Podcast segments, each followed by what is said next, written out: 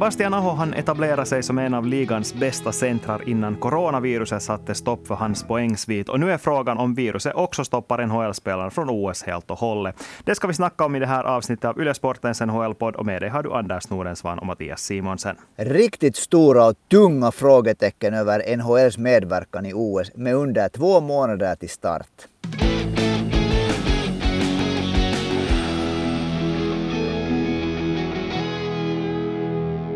Ja, det går ju inte riktigt att förbi sig det att enligt alla mått så höll Sebastian Aho på att spela in sig bland, ja, bland ligans bästa spelare får vi väl säga. Under den här bortaturnén som Carolina Hurricanes var på, han han stå för fem mål och två assist på tre matcher innan han då inte kunde spela i den här sista matchen mot Vancouver Canucks. Och nu har det visat sig alltså då att det är på grund av coronaviruset. Ja, med Sebastian Aho i rinken så har ju Carolina vunnit alla sina matcher på sin bortaturné som sagt. Så hans betydelse för ett av ligans absolut bästa lag kan, kan nog inte överskattas. Han hade där verkligen stigit fram och gjort otroligt fina prestationer, bland annat mot superstjärnan Connor McDavid. Mm, det här vet jag, det var något som du satt och följde med väldigt noga, för det var ändå eh, Sebastian Aho, kanske Finlands bästa center just nu, mot Connor McDavid, den i många ögon världens bästa center just nu. Så hur tycker du att den matchen gick? No, alltså, helt om man tittar på statistiken så var det ju, var det ju en knockout-seger för Sebastian Aho. Han hade två plus ett och, och det där eh, 60 procent i teckningar och han matchades hårt mot Conor McDavid av eh, Rod Brindamore och det där. Eh, McDavid blev på minussidan, hade 0 plus 0 och 45 procent i teckningar så alltså det där, det var ju inte alla teckningar som de tog mot varandra men det där, det som jag fäste mig vid att när det, när det började så såg det ut att aj, aj, aj, aj, nu blir det en ordentlig karusell där i, Carolinas, Carolinas ände när Conor McDavid är inne. För det såg illa ut i de kanske första tre bytena. Men det var nog så, eller så tolkar jag det, att Sebastian Aho liksom kolla i början hur, hur det är, vad McDavid gör. Och från och med ungefär minut sju framåt i matchen så tycker jag att Sebastian Aho så att säga skar, filera Conor McDavids spel och det är det där någonting som jag tycker att borde ha fått betydligt mera uppmärksamhet också i Nordamerika än det fick. Några saker där. För det första så måste man kanske också påpeka här att Edmonton är inne i en ganska tung svit just nu. De hittar inte alls sitt spel och det gäller också de här superstjärnorna. Så det, det att McDavid är formsvag är kanske inte bara heller på grund, eller tack vare, på grund av Sebastian Aho, använd vilken formulering du vill där. Men ändå, för det har ju snackats mycket om Sebastian Aho här i Finland den senaste tiden känns det som. Och många har lyft fram den här intervjun som han gav för eh, uh, Ilta Sanomat eh, slash Urheilulehti, vilken där det nu var, uh, redan innan innan han får över till NHL, där man talar om mycket att hur exceptionellt hans spelöga är. Uh, Jukka Jalonen, dåvarande juniorlandslagstränare, talar om det. Lauri Marjamäki, hans dåvarande tränare i Kärpät, talar mycket om det här. Att, eh, att det inte bara är offensivt, utan det gäller framförallt defensivt också. Det är kanske sånt som man inte riktigt tänker på. Helt som du säger, att här spelar han bort McDavid, och trots att han är en spelare som många kanske för, för det första skulle placera som en, en playmaker i offensiven, men man kan också vara en playmaker bakåt, och det är ju ju Sebastian Aho i allra högsta grad. Jo, och det, det är liksom speciellt det här hans sätt att spela. För när man, om man tittar så där okoncentrerat på matchen mellan Oilers och Carolina så kan jag tänka mig att det såg ut som att vissa, att, att McDavid kedja dominerade när de var inne. Men det som hände gång på gång på gång var att Sebastian Aho eller Teo Teräväinen eller i samarbete så plötsligt snodde de pucken och sen blev det sådana här genomskärande anfall som bland annat ledde till Carolinas andra mål. Att det, att det är inte nödvändigtvis så att, att Ahos kedja är den här som liksom håller på i 40 sekunder liksom och rullar, rullar runt. Det händer också.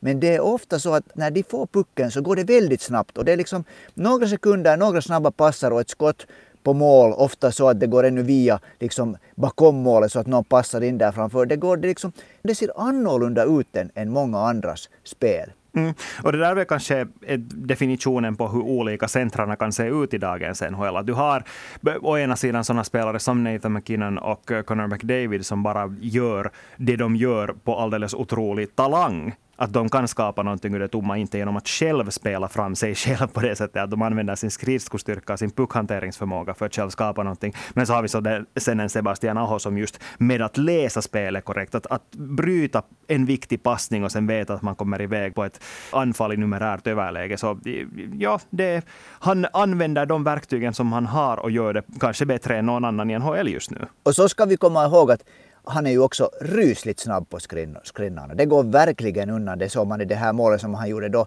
då det där mot Calgary i förlängningen när han bara flög förbi. Det som jag ännu skulle med hans spel som jag är liksom fascinerad över är att, att följt honom med, med honom nu länge i NHL. Och det är nästan alltid så att när han matchas mot en toppcenter, det måste vara Eichel eller, eller det där McDavid. Det är nästan alltid så att i längden så är det Sebastian Aho som vinner de här personliga duellerna. Egentligen den enda centern som han inte har rått på hittills, det kan man säga, som verkligen har varit bättre när de har matchats mot varandra är Bostons Patrice Bergeron. Mm, men de är ju ganska samma typ av spelare också känns det som. Ja, det är alltså båda grymt ansvarsfulla det där och, och Bergeron har såklart det att han har den här rutinen ännu men det där verkligen, nu när du sa det där så det där råkade du komma in på ett område som är nära mitt hjärta för de hör båda till mina absolut favoritspelare. Alla har vi våra spelare som vi tycker om vilken stil vi spelar. Jag har alltid gillat jättemycket Patrice Bergeron så därför är det kanske inte så det är det naturligt också att, att Sebastian Aho är den spelartypen som jag liksom gillar gillar allra mest. Mm, lite så här gentlemannaaktiga på, på sitt sätt, men samtidigt alldeles otroliga vinnarskallar. De sådana som inte viker sig en tum då när det behövs. Han, är ju, alltså, han ser ju så jättesnäll ut, men han har ju en elak sida till sig också. Han, är, han brinner ju liksom, ögonen glöder bara. Och nu är han i närkampen, han kan vara ganska frän också i närkampen, och det måste man såklart vara i NHL. Men, det där, men att han är inte riktigt den där snälla lilla killen som alla kanske alltid på något sätt vill klistra på honom för att det är en sån här passande bild där han ser ut på det sättet. Mm, nej, absolut inte. Jag tycker att det var intressant, att du lyfte fram det tidigare, att hur viktig han är för Carolina. För det som understryker det här faktumet är det som hände i matchen mot Vancouver, alltså deras fjärde match i den här bortaturnén, deras fjärde match på sex dagar. Den förlorade de. De hade inte Sebastian Aho med i truppen. Och efter det här så sa Vancouvers nya succétränare Bruce Boudreau att eh, ja, han för det första lyfte han fram det där att det var deras fjärde match på, på sex dagar. De är trötta just nu, men också att de spelar utan Sebastian Aho. Och det att han nämner det så understryker ju hur viktig Aho är för det där laget. Ja, det att, det att kanske inte alltid liksom medier i Nordamerika uppmärksammar en spelare som kommer från ett sånt här område som Carolina som inte riktigt är det där rubriklaget ändå trots allt. Men det där, där ser man nog att de som liksom är inne i sporten så de vet exakt hur bra Sebastian Aho är. Så ska vi inte heller glömma att hylla honom för hans näsa för mål den här säsongen, för det har ju varit alldeles otroligt. Han håller ju på att bli den bästa finländska målskytten den här säsongen, om, om han kan klara av att återvända till isen snart. Men det är ju inte första gången. Det där, han, han det där var ju på väg att göra över 40 mål då den här säsongen som avbröts på grund av corona, det, alltså 2019-2020. Då hade man spelat 68 matcher och, och då hade Aho gjort 38 mål, så han var i princip på väg mot 40-45 mål. Förra säsongen gjorde han på 56 matcher 24 mål. Eh, säsongen 18-19 82 matcher 30 mål.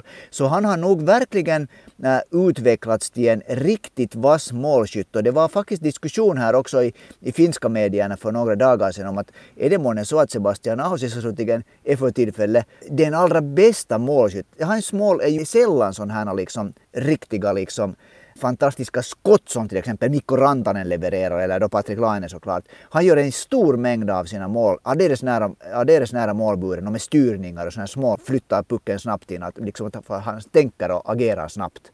The Athletic har en sån här modell där de räknar ut, eller de försöker förutspå hurdana poäng en spelare kommer att stanna på till exempel. Och enligt deras modell så är Sebastian Aho den som ska göra flest mål av finländarna den här säsongen. Om han bara skulle missa den här ena matchen, vilket vi nu vet att inte är faktum, han kommer att missa fler matcher än så, men i så fall skulle han ha gjort 42 mål enligt deras den här modell, enligt expected goals och sådana här andra fördjupade statistik. Men oavsett så det, det, det är ju inte en sanning, men det talar ändå för att han verkligen har varit otroligt bra på att få in den här pucken i nätet. Jag tycker att det är ganska intressant det där du lyfter fram, för det är ju så att han har gjort jättemånga av sina mål nära kassen och som liten spelare ska han inte vara där, inte i NHL. Och det här också sitter framför mig för tillfället och tittar på den här, på den här sidan om Sebastian Aho. Och där, om det här nu stämmer, vi, också alltid, vi säger också, jag säger också alltid att han är liten. Men enligt det här så är han 183 centimeter lång. Så inte han är så jätteliten. Han är längre än Sidney Crosby till exempel. Ja men alltså det är ju i NHL-mått mätt så är det ju en ganska, för talar vi om ja. en ganska kort kille ändå. Ja det är sant. Och så är han kanske lite lättbyggd. Men nu är han det där, jag tror att vi har snackat om det någon tidigare också, att han kommer ofta till, till det där presskonferensen efter matchen i t-skjorta och det där. Nu har han gjort biceps curl den killen. ja. Men hej, vi har fått en fråga som lite tangerar det här ämnet. Inte direkt om Sebastian Aho, men jag misstänker att Sebastian Aho kommer att finnas med i båda, bådas våra svar. För Sami undrar vem som vi tycker att är Finlands fem bästa centra just nu. Och det är ju en intressant jo, fråga. Det är en intressant fråga. Och om du frågar mig, vilket du just gjorde, så det där plockar jag nu fram två namn som såklart jag tycker att ett och två egentligen omöjligt att gå förbi och det är Alexander Barkov och Sebastian Aho. Och jag skulle trots allt ändå sätta, liksom, om man tittar på helheten, så skulle jag ändå placera äh, kanske Barkov alldeles snäppet före Aho. Men det är nog inte någon, liksom, det är nog inte så självklart som kanske alla tycker. För som sagt, Aho är lite annorlunda. Men här skulle jag säga de två första åtminstone. Ja, jag, alltså jag skriver under till 100 procent, jag har något att säga mot det där. Men hur ser dina tre andra ut då? Jag lyfter nog fram nu det där, om vi tar de två följande igen så tycker jag då att det är Mikael Granlund och, och Rope Hint som det där stiger fram där. Och då ska jag, se, då ska jag säga det här att jag definierar inte Mikko Rantanen som center center fast han nu har spelat center här i några matcher emellan under, under det där när det har varit skadeproblem i Colorado. Men om vi tittar på dem som nu liksom hela eh, säsongen har spelat centrar så Granlund och Rope Hintz och, och det där och där tycker jag att Granlund är, trots att jag tidigare någon har sagt att hans tid som center är förbi, men det tycker jag redan att jag har krupit i korset och medgett att jag har totalt fel där. Så där tycker jag att han är mera ändå liksom, han spelar mera ett sånt här totalt centerspel, medan Roppe Hintz Dallas spelstil lite annorlunda. Är, är liksom, han är sån här mellanform av en ytterforward och en center. Han är center. Så där skulle jag säga ändå att Granlund trea, Rope Hintz fyra och så lämnar jag ännu den femte till, till det där. Jag vill höra dina kommentarer först. Här. Eh, jag kan avslöja min femte med samma, för min trea och fyra var exakt samma. Jag har Rope Hintz som trea och Mikael Granlund som fyra. Och som femma har jag faktiskt Mikko Rantanen. För att, vi frågar er, alla ni som lyssnar, vi frågade er på Instagram förra veckan att är vi här totalt dumma i huvudet när vi, när vi lyfter fram Rantanen så, eh, som en eventuell andra center, vilket han sen blev. Colorado Avalanche satte in honom som andra center då Nasem Kadri inte kunde spela. Han gjorde det väldigt bra, helt lika bra som när han var första center så jag tänker faktiskt säga att den femte bästa centern i hela Finland just nu är Mikko Rantanen. För han har nu bevisat att han klarar av att spela på den positionen också. Jag tycker att han är på många sätt en liten sån här center-typs playmaker också när han spelar på kanten med Nathan McKinnon. Så ja, jag tänker ha honom som femma. Du får säga vad du vill, men jag tänker ha honom som femma. Jag tror han tar ju till exempel nu den här matchen mot Florida, en av de absolut bästa matcherna annars på länge. Här det där natten mot måndagen så det där tog han ju en massa teckningar när han var inne på, på isen med McKinnon. Så, så han tog liksom, det brukar vanligtvis vara Gabriel Landeskog som tar de där teckningarna. Nu var det Rantanen som tog det. Han gjorde det faktiskt riktigt bra. Men det där, om jag nu ändå håller fast mig vid den här min, min det där syn och, och placerar honom i princip som ytterforward tills vidare. Så, det där, så då lyfter jag nog fram äh, Anton Lundell som, som följande center där. För det där, aj, aj, aj det är helt otroligt moget så han, som han spelar. Han har spelat sig in i Florida som man nog kanske kan argumentera för att trots allt är ligans bästa lag för tillfället. Ja, alltså det finns inte riktigt några andra alternativ. Alltså det var det också som jag kom fram till när jag försökte få fram den här listan. Att det finns Lundell som delar den där femteplatsen bakom min Rantanen då. Och sen var då Erik Haula, men inte han riktigt heller aktuell för en plats i topp fem känns det som. Att det är liksom Rantanen eller Lundell och då skulle jag ännu föredra Rantanen. Men jag, jag, jag börjar inte motsätta mig en Lundell i den här rankingen heller. Så ska man inte heller glömma hur bra Eetu Luostarinen har spelat. Han är nog en viktig del av också det här Floridas lagmaskineri. Ett namn som jag ännu skulle lyfta fram här lite i centerdiskussionen, inte nu de här kanske topppositionerna, men, men Jesperi Kotkaniemi har ju nu redan en längre tid spelat som fjärde center i Carolina och jag tycker att den här kedjan, vad han spelar, den funkar bra och han, liksom, han bidrar tycker jag. Jag tycker att han gör mycket bra i båda ändarna för tillfället. Jag tror att Rod Brindamores skola håller på att, att utveckla Jesperi Kotkaniemi jättemycket.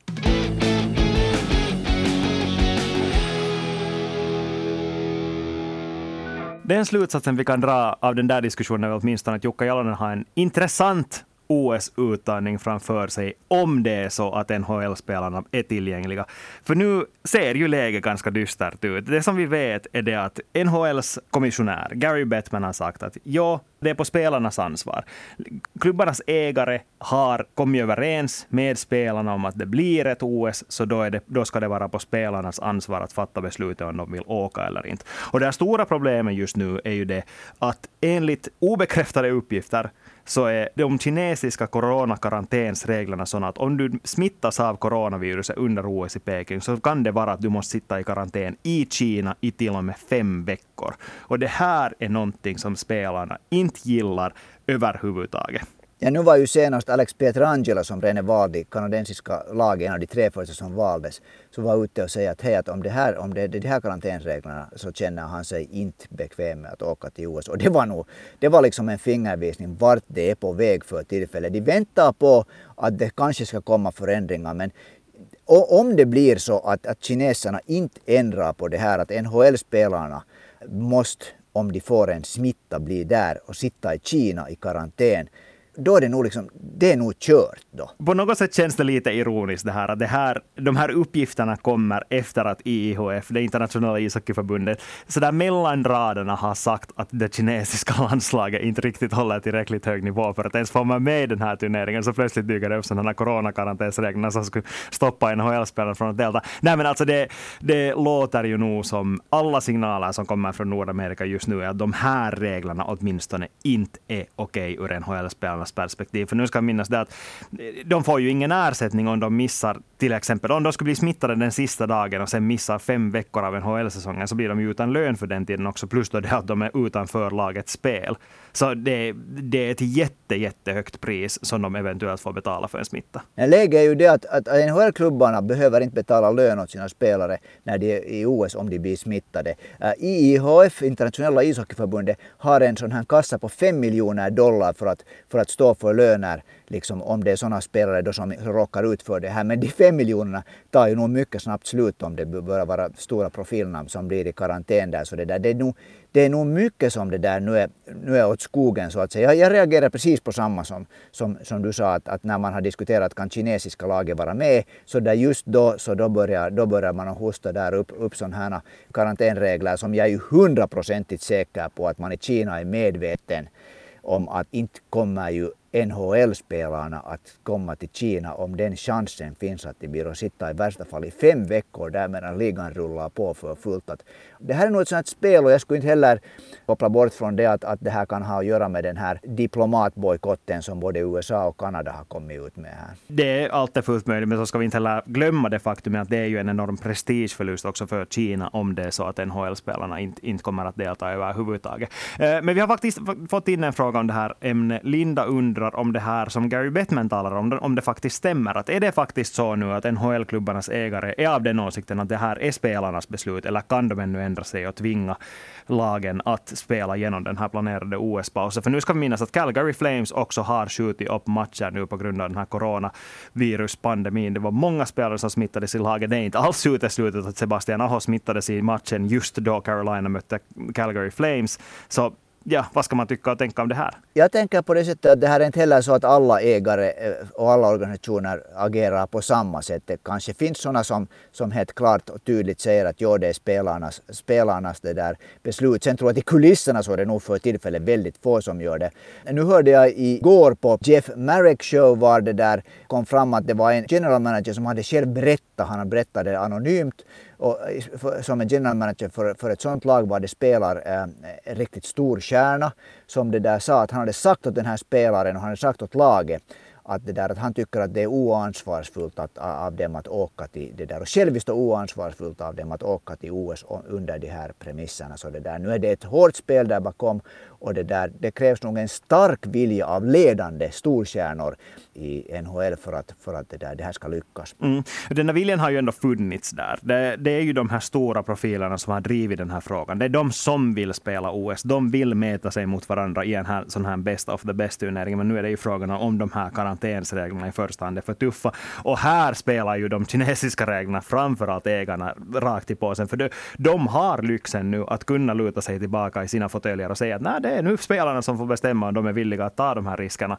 För att när de säger så, så är det helt på spelarna. Om det till exempel skulle gå riktigt, riktigt snett och det skulle sprida sig en massa corona mellan de olika spelarna under den här turneringen till exempel, så kan de helt rent på sig och säga att äh, det var spelarna som ville fara dit, inte har vi någonting med det här beslutet att göra. Så, och också det att om de här matcherna, om NHL tvingas flytta på fler matcher än Calgary Flames till exempel just nu. Jag har tidigare trott, före den här Calgary Flames eh, situationen blev så här pass dålig, så hade jag åtminstone tänkt att de har råd med att två lag till måste sätta stopp för all verksamhet. Sen efter det blir situationen helt enkelt ohållbar. Och jag tror att det här redan nu kommer att orsaka att de här spelscheman efter OS-pausen kan bli så pass tajta att spelarna själv inser att det inte är hållbart att ens ha den där OS-pausen. det, det, är också en sak som man måste hålla i åtanke. Att, att spelarna vet ju själva vad som, vad som står i tur efter OS-pausen också. Precis, det här spelschemaförändringarna, matchförändringarna kommer att ha en jättestor inverkan.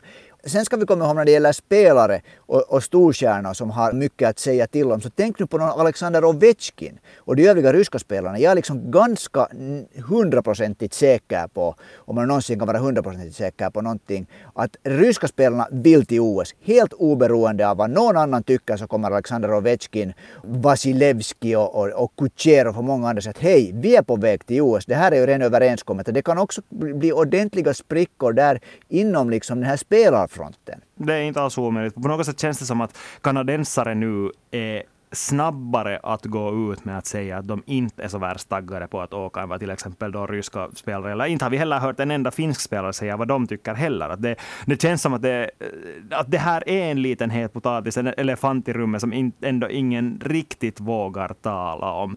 Och så ska vi kanske här också påpeka att jo, Robin Lehner, den svenska målvakten, han har sagt att han inte tänker åka till OS, men det är ju av helt andra orsaker. Det handlar om hans psykiska hälsa. Han har ju varit hemskt uttalande att han har haft problem på den fronten och, och att han nu upplever att han inte, han kan inte helt enkelt åka till Kina med tanke på allt och, och förvänta sig att klara sig mentalt ur den resan, så han tänker stå över bara av den orsaken. Det måste man ju förstås förstå och respektera. Och vad tror du om en sån kille som Alexander Barkov? Florida har just rott ut med ett jättekontrakt, räknar med honom tio år framåt och nu är han hela tiden skadad, han har varit borta hela tiden. Va, va, tror du att det idkar någon påtryckning på honom att hej, på riktigt, är du på väg dit nu?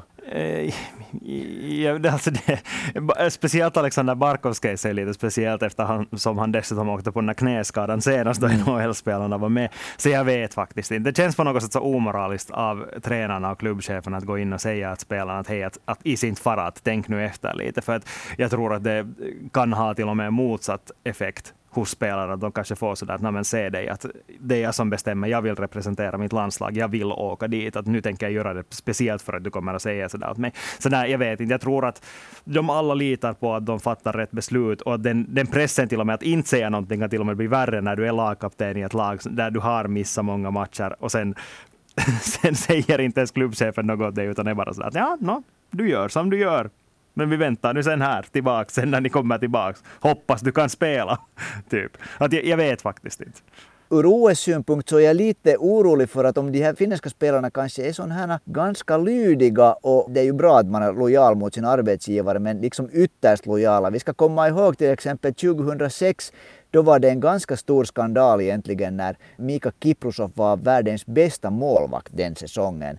Och Daryl Sutter i Calgary förbjöd honom att åka till OS. Mot alla regler. Han bara liksom sa att hey, du kan inte åka till OS. Och för att han hade någon lindrig skada då. Kipper missade inte en enda match under den säsongen som han skulle spela. Men han var borta ur OS. Då blev det ju en succé när den gröna målvakten Antero Niittymäki var bra. Men när det, när det började så var det en ganska stor liksom chock att världens bästa målvakt, den klart bästa finska målvakten blev borta. Och han blev borta i princip för att hans general manager förbjöd honom för att åka.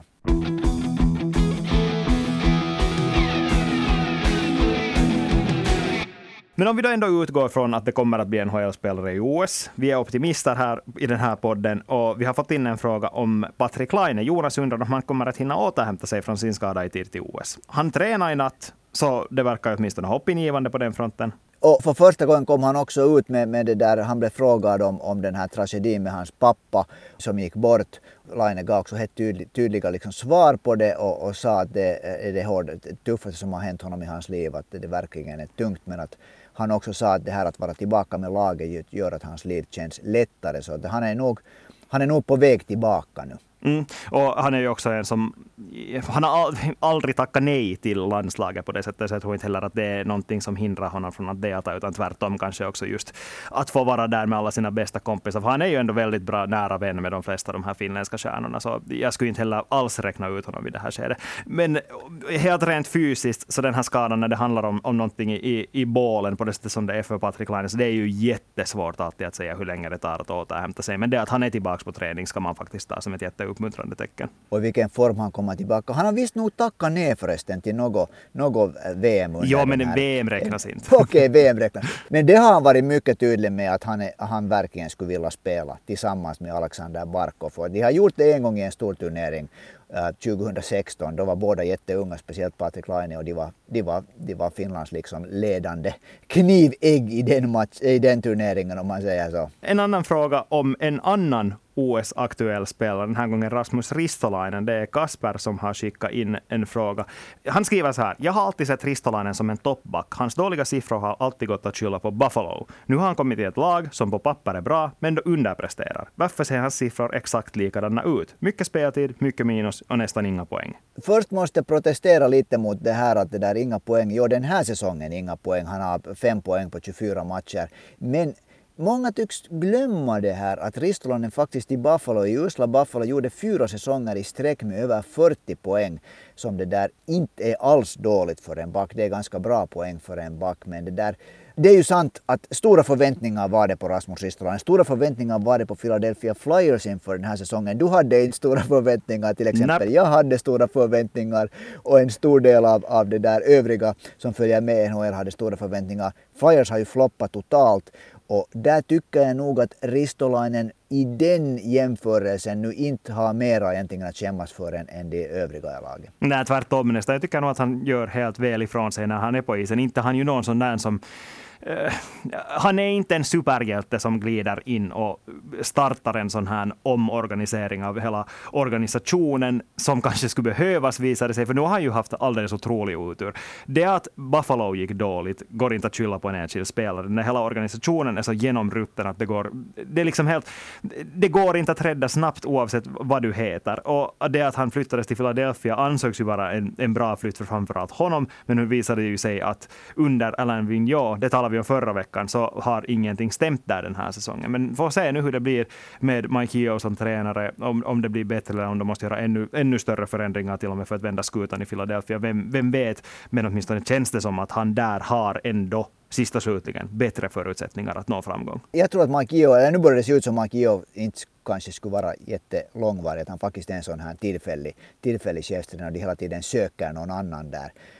Ristolainen tror jag personligen att skulle dra stor fördel av ett riktigt tydligt spelsystem hur backarna ska spela och att han liksom skulle så att säga tvingas att följa det. För att han är, det, det blir fult då när han liksom börjar att göra för mycket sådana här egna, egna lösningar. För då, då, då liksom slirar det ut emellan. Men på tal om Ristolainen, och Patrik Laine så ska vi från och med nästa vecka börja ta ut Lejonens OS-landslag. Och som sagt, vi är optimister. Vi utgår från att det blir NHL-spelare på OS och att det blir alla tiders Lejon-landslag.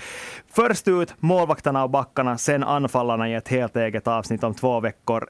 Vi vill höra vad ni tycker. Vi vill höra era förslag. Skicka in dem antingen på Instagram till Yle Sportens Instagramkonto eller per mail till svenskasporten.yle.fi så hittar vi dem där. Och från och med nästa vecka alltså målvakterna backar och sen anfallarna i ett eget avsnitt. Det ska bli jul och nyårskul i allra högsta grad. Tack och hej!